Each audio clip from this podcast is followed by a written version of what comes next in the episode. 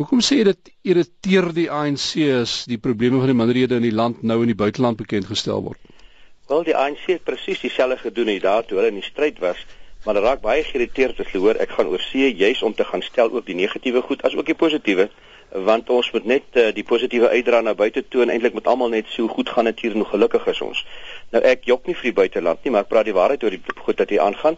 Ek noem die positiewe sake op, maar ek dink dit is ook belangrik dat die buiteland moet weet wat is die negatiewe hierso en veral rondom minderhede is my ervaring regtig dat die ANC se standpunt oor minderhede is verouderd Hulle is ver agter die moderne denke daaroor in die wêreld in elk geval. Uh, en as jy gaan kyk, die moderne demokratiese regerings word getoets nie oor hoe hulle die meerderheid hanteer nie, maar juis hoe hulle optree teenoor minderhede. So dit kan 'n politieke minderheid wees, kan 'n taalminderheid, 'n godsdienst of hmm. kultuurminderheid wees. In val Europa is daar baie sensitiwiteite daaroor. Nou hulle sê ek ons mag dit nie in die buiteland gaan stel nie, ons moet net positief praat na alkante toe, maar nee, ja, so ek sê dis presies wat hulle jare gedoen het. My argument is maar heel eenvoudig. Die argument sê dis 'n versekeringspolis vir die toekoms. Ek is nie nou al bekommerd nie, maar mens weet nie watter kant toe gaan dinge ontwikkel nie. En as dinge dalk sou skeefloop en kom ons glo dit gaan nooit gebeur nie. En daar kom dalk 'n krisis soos ons nou in Sirië sien of in baie ander lande sien selfs in Zimbabwe gesien het.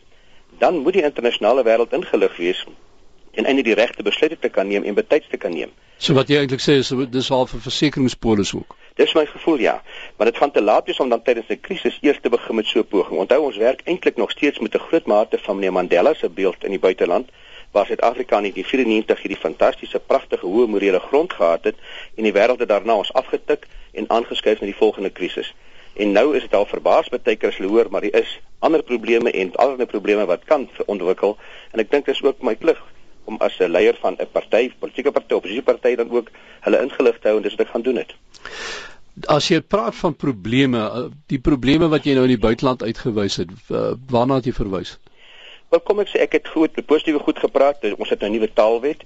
Ons is nog bietjie skepties of hy gaan geïmplementeer word, maar dit is 'n tree in die regte rigting. Dis positief uiteindelik en ekonomies hou ons beter nog vir selfs as Europa.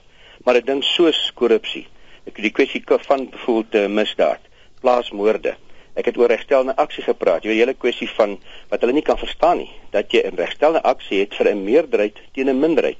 In die hele wêreld is dit andersom. Ek kon verwys byvoorbeeld na die hofsaak in die Kaap waar dit nou gaan oor breinbewaarders wat moet afgeskaal word na net 9% om dan aan sekere kwotas te, te voldoen omdat dit dan die bevolking waar landwyd is. Dis verskriklike kunsmatighede wat hulle nie verstaan nie. Naamsveranderinge. Jy weet in Brussel byvoorbeeld Uh, ek het daarso self rondgery in die moltrein en gesukkel aanvanklik want elke stasie het twee name. Elke hmm. straat het twee name, 'n naam in Frans en 'n naam in Vlaams of iets in Nederlands om almal te kan akkommodeer en almal te kan uh, uh, laat tuis voel. En hier by ons is daar baie, baie duidelik 'n vervreemding van minderhede wat voel hulle word onderdruk en uitgeskuif met 'n soort van arrogante ANC daaroor.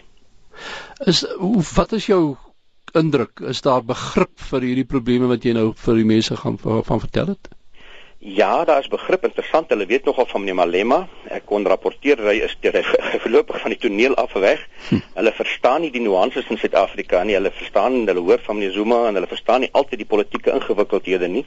Hulle vra na meneer Mandela en uh, ek kon gryp nie onmiddellik in nie en ek sê hy's 94 en hy's baie stil en hy's nie meer betrokke politiek nie. Maar daar is 'n belangstelling in 'n groot mate. Interessant in die Europese Parlement het ons al ingevorder waar daar selfs 80 parlementslede was wat simpatiek uitgespreek het waarom word plaasmode nie meer aandag gegee nie. So die soort van verwikkeling is daar, maar ek dink 'n mens moet maar deur gaan voortgaan. Jy weet, eh, ek het voordeel ook van die organisasie UNPO waar ek in Rome interessant 2009 gekies is op hulle dagbestuur. Die voorsteur daar is van Tibet af. En hy het begrip onmiddellik eintlik want hulle weet van die situasie daarmee saam en die UNPO kon vir my reël onderhoude met bevoeld van die Belgiese parlementslede. Ek het met die senator Pieter Bruin gepraat. Hy het al Suid-Afrika besoek wat dit makliker maak met tussen met meneer Karl Uitersprot Hulle is lede van die meerderheidsparty uh, in België, die grootste party in België. En dit is tog sinvol om met hulle te praat. Hulle vra slim vrae en hopelik hou mense loop hoogte daarmee saam. Ons hopelik ook nou gepraat oor moontlike opvolgaksies wat toekoms betref, ja. Die impo self, uh, die vergadering in Brussel, wat was op die agenda?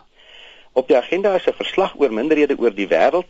Onthou impo se argument interessant genoeg is, dit staan vir unrepresented nations and peoples.